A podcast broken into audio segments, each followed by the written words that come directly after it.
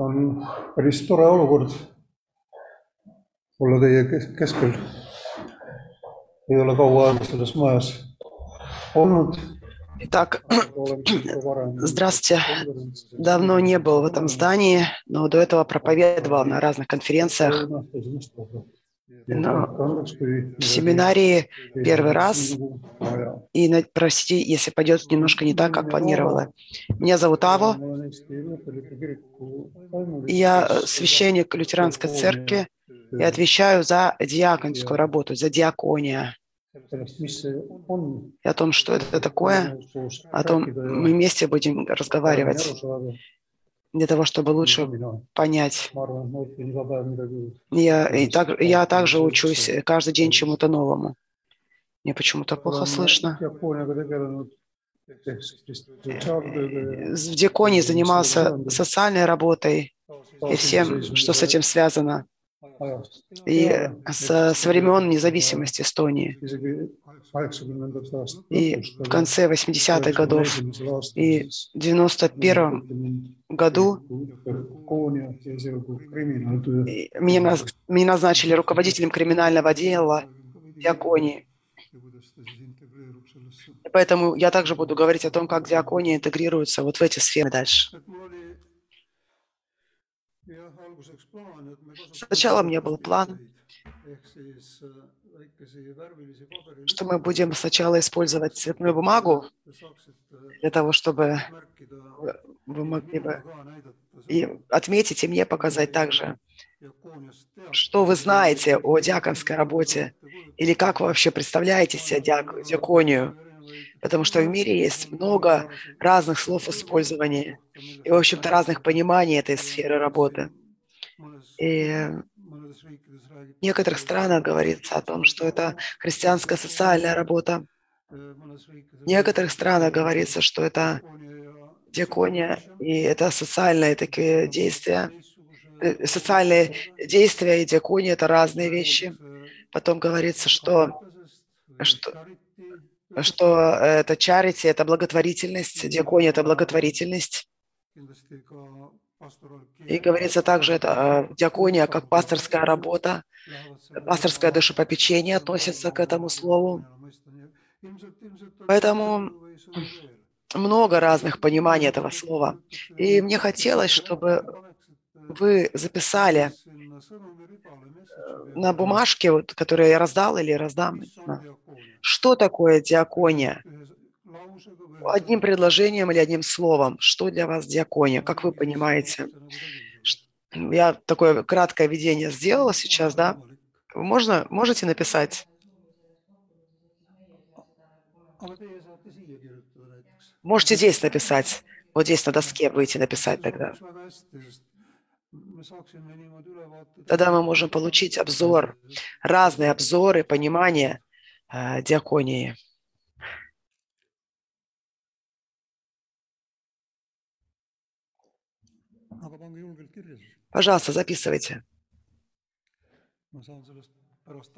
Et- pildi teha. И потом тогда на доске, с доски я сделаю фотографию. Так, один человек у нас отреагировал уже. Диакония – это христианская, э, христианская э, забота, как бы душепопечение. Христианская забота.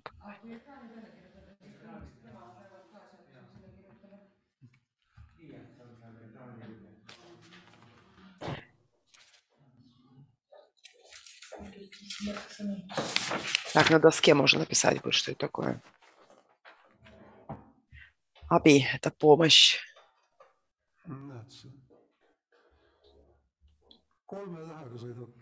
Так, справилась с тремя буквами.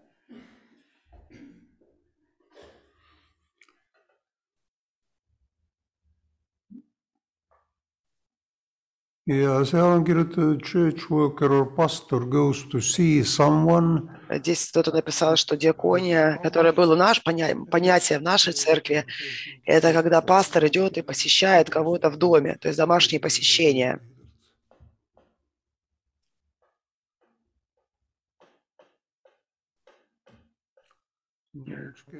Здесь написано о том, что помощь ближнему. Это служение ближнему. Мария написала, это явление Бога, любви Бога, проявление любви Бога.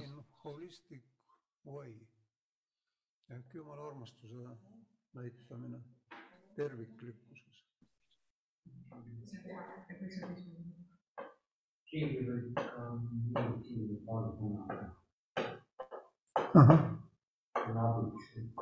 Aga samal ajal vist ei saa kirjutada see on ikkagi ees ja. nagu ikka.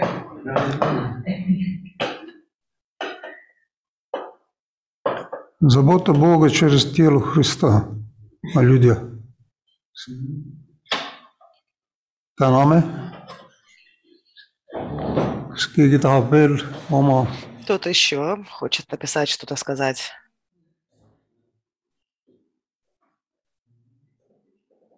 Диакония – это служение.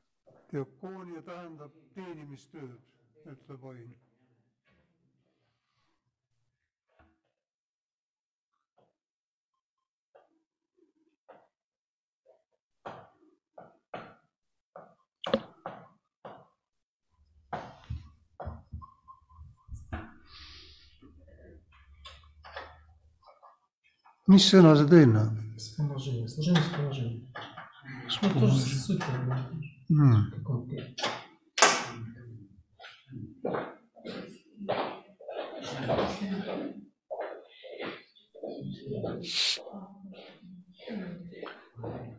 võidmine vist. Помазание. Нет, в помазании, в вспоможение. Нет, нет, это неправильно. Нет, это, это как помощь, правильно? Вспоможение же, это же как помощь все-таки, ну, по-нашему. Это надо объяснить ему немножечко, он не понял. Антон, объясни ему вспоможение, что значит. помощь.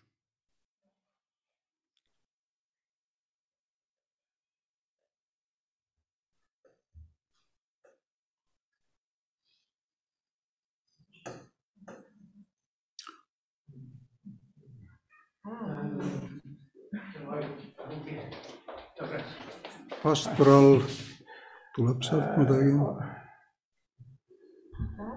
ma ei tea, kuhu, kuhu see nüüd läks. võib-olla see siin. võib-olla, jah.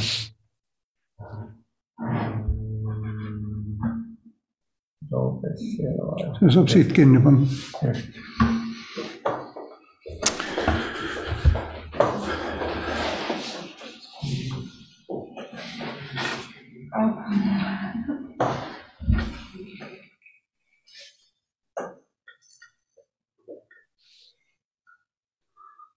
just. ma saan pärast need välja ka printida endale? Need, mis on ekraanil, jah. ja selle asjast, sellest asjast ka. pastori abiline, tere tulemast. Помощник пастора.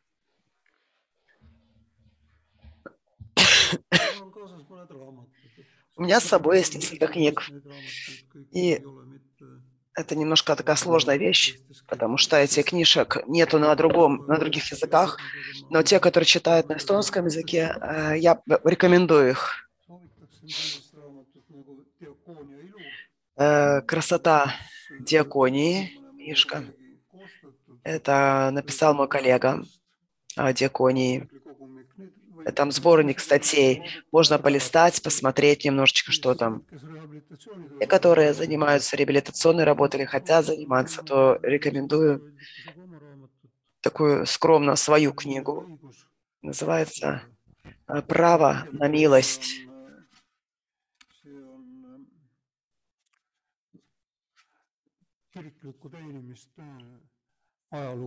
Это история, можно сказать, что это история, история.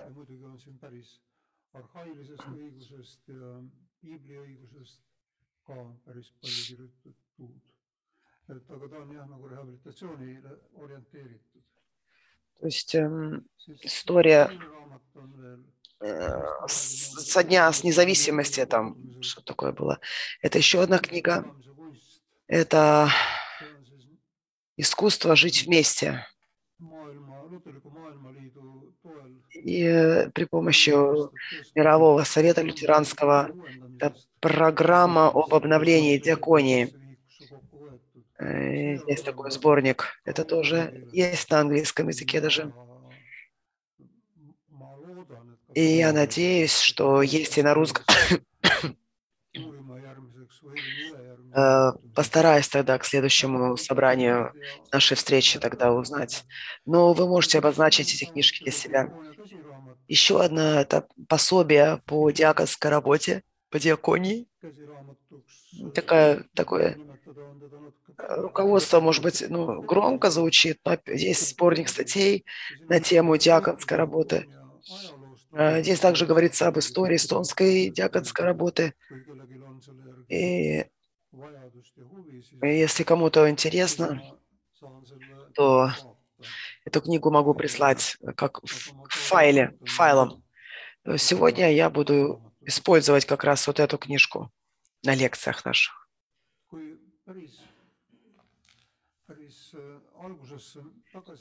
Если вернуться обратно к самому началу, то тогда нам нужно вернуться к Ветхому Завету, к истории сотворения.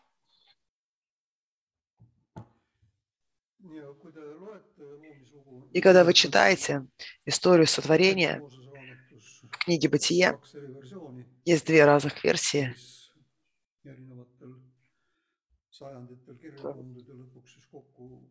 Они запи- записаны были в разные века и потом собраны. И это дает нам основание, основание для, диакон, для диаконии. И история сотворения говорит нам, что Господь сотворил человека по образу и подобию своему. И он говорит там, что человеку нехорошо оставаться одному. И вот эти две вещи, они очень важны. Бог создал человека по образу и подобию своему. И те, кто знает уч, учение триединства, они знают, что а, Бог – это Отец, Сын и Дух Святой, здесь говорится во множественном числе.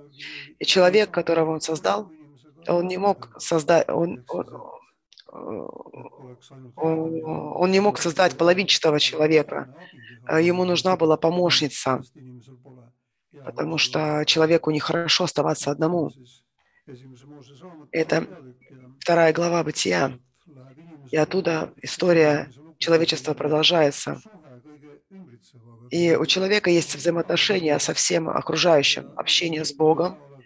И, и из того, что человеку стало этого мало, и Бог созидает человеку в половинку, и у них снова возник, новые отношения возникают. И у него хорошие отношения с половинкой могут только, когда у него хорошие отношения с третьей стороной, то есть с Богом.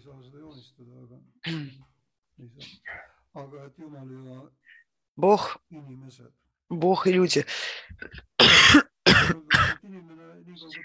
Человек до тех пор, пока он один, он не может быть таким совершенным человеком, потому что он тогда не соблюдает, не, не выполняет самые важные функции, которые есть у человека. И вот эти знания как раз и э, поддерживает, и об, эти, об этом и как раз и говорит Библия. Человек нуждается сам в помощи. Человек сам нуждается в, тем, в тех, кто будет ему помогать. И человек также реализуется через то, что он может помогать другим людям.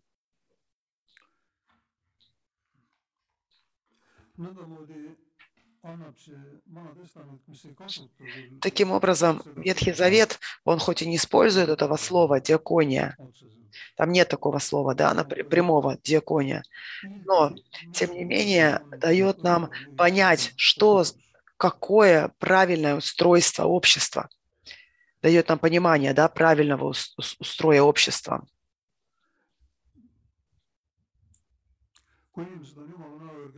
Если люди созданы по образу и подобию Божьему, это означает, что они равны друг с другом.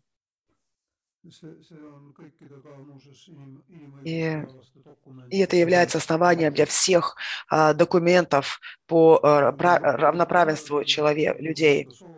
И мы все созданы по подобию Божьему, вне зависимости от расы, от пола, от языков, от навыков, от умений, от финансового благосостояния. И это дает нам, э, накладывает на нас особые обязательства. То есть мы должны друг к другу относиться так, как Господь относится к нам.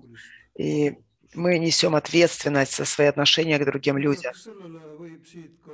И отсюда, конечно же, можно вычитать и тему, тему, э, тему природы. Господь поставил человека править над садом, э, господствовать над садом, ухаживать за садом. И это, и это подтверждают также и другие книги Ветхого Завета.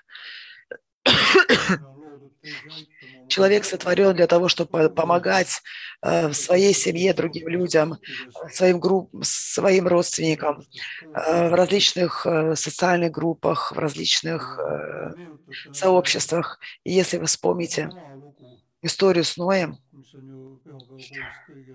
которая, я думаю, знакома всем еще с воскресной школы, это история про Ноя, про корабль, что Ной, Ной не поехал один, он э, не пошел один, он взял с собой семью, он взял с собой э, всех родственников своей,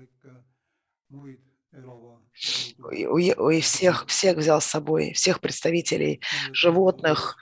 То есть он взял ответственность за людей и за все роды, э, также животных.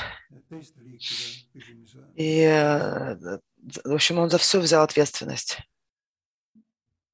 kui me mõtleme nüüd lisaks loomisele ja loomisloole Если подумать об истории kuulutustele, если поговорить о пророчествах, то здесь можно увидеть очень интересное мировоззрение, которое является центром христианской веры. И э, мы видим заповедь о любви к своему ближнему. И на самом деле эта заповедь, она тоже взя- взята из, э, из э, э, левитов, э, левитов, где написано «возлюби своего ближнего как самого себя». Но любовь – это не только э, чувство, любовь, она практична и означает также и заботу о ближнем своем. И здесь В этот период не делалось различия э, между церковными задачами, э, между зад- задачами церкви, а считалось, что это задача всех. В то время, о чем говорят эти книги Ветхого Завета,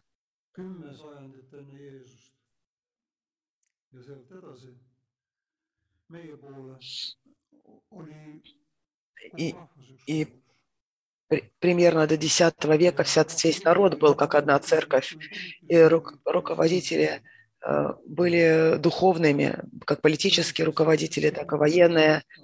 и- siingi ma ütlesin, see on üks tore sõna, see ligimene, mille, mis sai tahvlile kirjutatud. И то, что написано на доске у нас, Воз- возлюби своего ближнего как самого себя.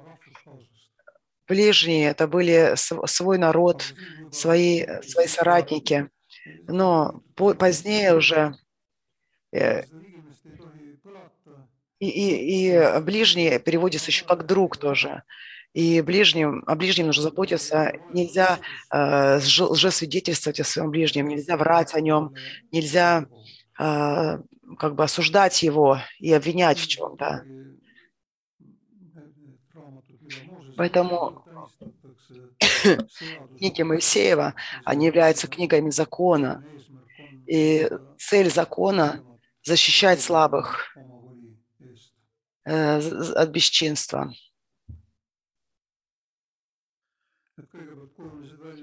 Э, Сначала сформировались законы и запреты. Говорится, что в Ветхом Завете более 600 э, э, как бы за- заповедей, да, запретов и разрешений. И с этого выросли и законы. Но, как Иисус учит нас, И он говорит, что самая великая заповедь – это любовь к ближнему. И он говорит, что вот в этом законе любви скрыт весь Ветхий Завет и все пророки, и все требования, и все закон, весь закон и пророки. Поэтому цель закона была это формирование справедливого общества и, и хорошее общество, где забот, здесь есть забота о более слабых, и здесь отдельно упоминаются э, вдовы, сироты, бедные, рабы и также иноплеменники.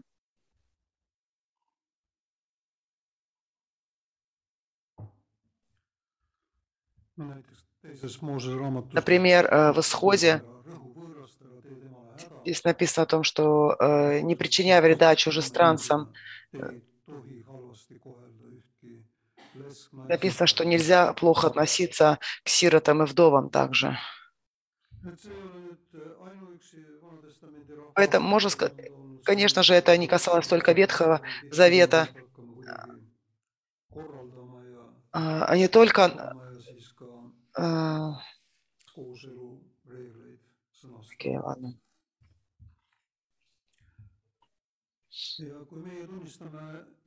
Если мы, мы если, когда мы проповедуем свою веру в Бога, то тогда мы говорим, что мы верим Творца, и мы доверяем также, ой, мы пишем туда, говорим также, что мы верим в Искупителя. И весь мир – это, это, э, э, это, то есть мы, мы все соратники Бога. И, и насколько возможно, мы являем волю Божию здесь на земле. И Бог, сотворив нас, Он дал нам ответственность, ответственность э, за, за людей также. У нас есть также миссия, у нас есть призвание, э, и и вот эта вот э, совместная работа, она должна производиться во всех сферах жизни. В том плане, что все люди, они должны быть диаконами, они должны быть работниками диаконии. Я думаю, что некоторые, конечно, считают по-другому, но я, я считаю именно так, что все мы с вами призваны диаконской работы. Может быть, некоторые не согласны и говорят, как Каин, что «а я что, сторож брату своему?» Да, сторож, но Каин выбрал другой путь. В Ветхом Завете есть очень интересные, интересные такие люди, как пророки. Чем они занимались? Пророки занимались политической диаконией. И это означало, что их проповедь, она была прямая, конкретная, иногда порой жесткая, иногда бывает очень красочная, немножко более такая усиливающая, и она была социальная. Они не занимались э, каким-то душепопечением индивидуальным. Они делали ударение на ситуации, в которой находился, находилось общество, и хотели поменять, хотели, чтобы человеческий мир приблизился к Божьему миру, и чтобы преобладала и главенствовала любовь.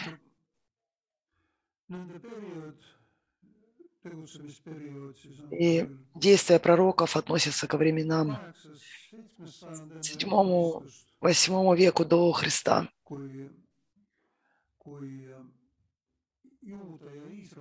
когда Иуда, Иудея Израиль, эти народы, о которых мы говорим,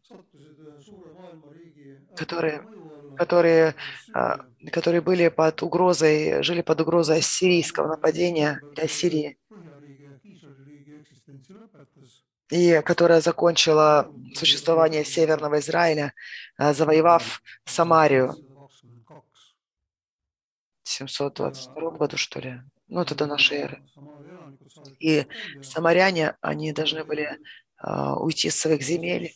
Иудея еще как-то выдержала.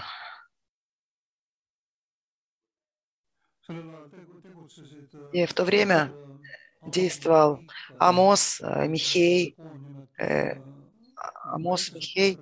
Их называли маленькими пророками.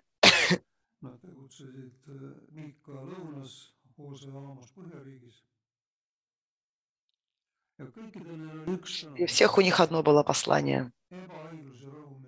Э, Они делали ударение на несправедливость. И они говорили, что несправедливость, она не является волей Божьей, и она не, не, не, не нравится Господу. И когда народ все, все еще был несправедлив, продолжал оставаться несправедливым, тогда этому следовало разрушение. Второй период – это 630 до 570 года, до, до разрушения Иудеи.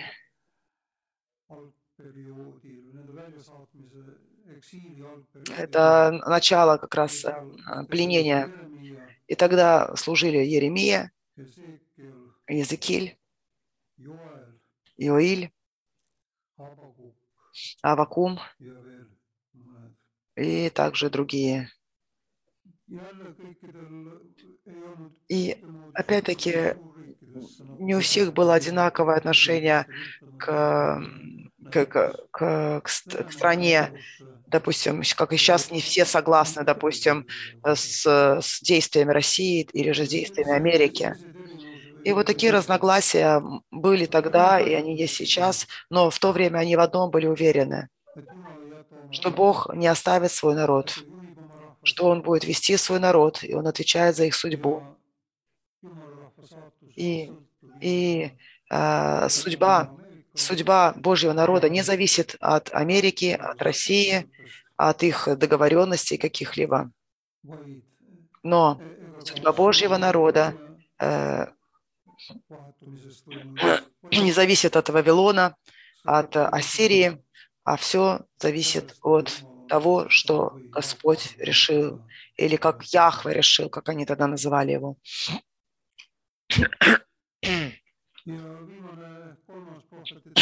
И третье, пророки, а, э, кото- э, период это Исаия, это очень мощный пророк, он э, по своей проповеди, по использованию языка, и он относится и, э, окей. И Захария, Агей, и все правильно. В тому времени политическая ситуация изменилась в Израиле, и персы, перский, персидский царь э, Кирий, Кир, а, он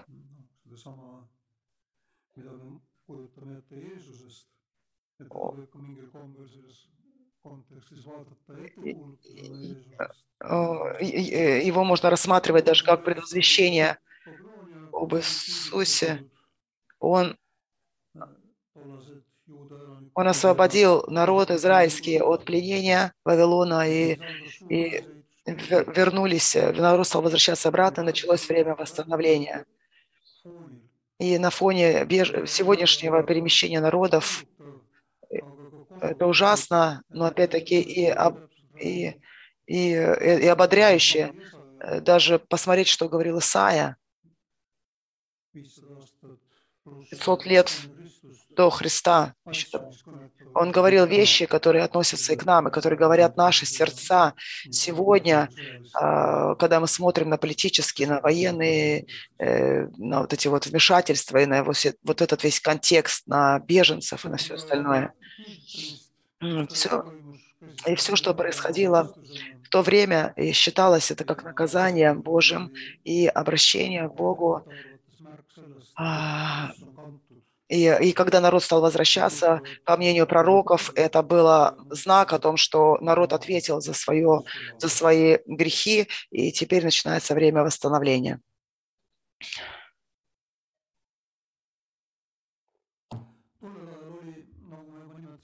В то время, как я уже говорил, слово «храм», храм, тогда стало появляться служение в храме, И тогда уже были священники,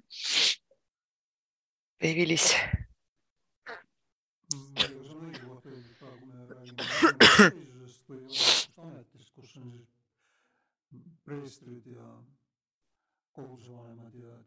появились э, диаконы, появились э, служители в церкви. Такие служения, которые должны были а, устраивать жизни людей того времени. Священника в то время было главное действие – это принесение жертв. И сегодня, конечно, мы этим уже не занимаемся, но пророки, они видели, видели противоречия в жизни священников. То есть а, они были критически настроены к мировым правителям, но также они были критически наставлены, э, они также стояли, э, пророки противостояли таким формальному богослужению. И э, они говорили о том, что Бог э, требует от людей посвящения и честности.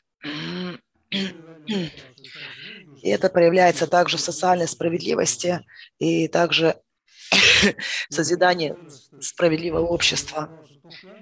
И несмотря на то, что приводят, приносят постоянные жертвы, но этого недостаточно, что просто читать какие-то местописания, а, ну, заученные, да, в этом нет ничего плохого, но, но если э, э, ограничивается все только литургией, э, в нашем понимании, да, или культом кем-то, то обычно это просто пол- получается такое бессмысленное действие. Если, если этому не сопутствует жизнь, богобо- богобоязненная жизнь по закону. И пророки называют такой культ церковный как греховным. И, они, и он говорит, что Бог недоволен вашими жертвами. Бог не хочет слышать ваши песни, ваши, ваше бренчание музыкальных инструментов. А мозг говорит, что, что и, и мозг говорит, что справедливость, э, э, в общем, э, как Амос говорил, и как и другие пророки говорили, что социальная справедливость – это главное. И также они критиковали пророки работу храмов.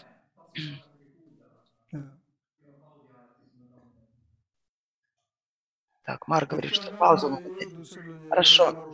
В общем, сейчас мы поняли с вами, что Ветхий Завет дает нам основания для диаконской раб- работе, хотя не говорится напрямую об этом.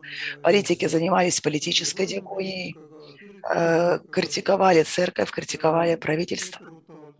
И хочу сказать вам, что мы тоже мы не можем избежать этого, и мы должны служить в любом режиме и провозглашать то, что важно для Бога. И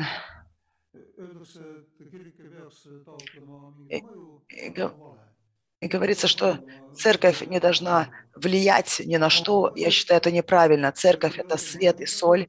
Церковь должна влиять на все, что происходит вокруг. И тогда церковь становится более сильной. Это, это, это наша социальная ответственность личная, это социальная ответственность наших церквей, общин и также э, союза всех. Да. И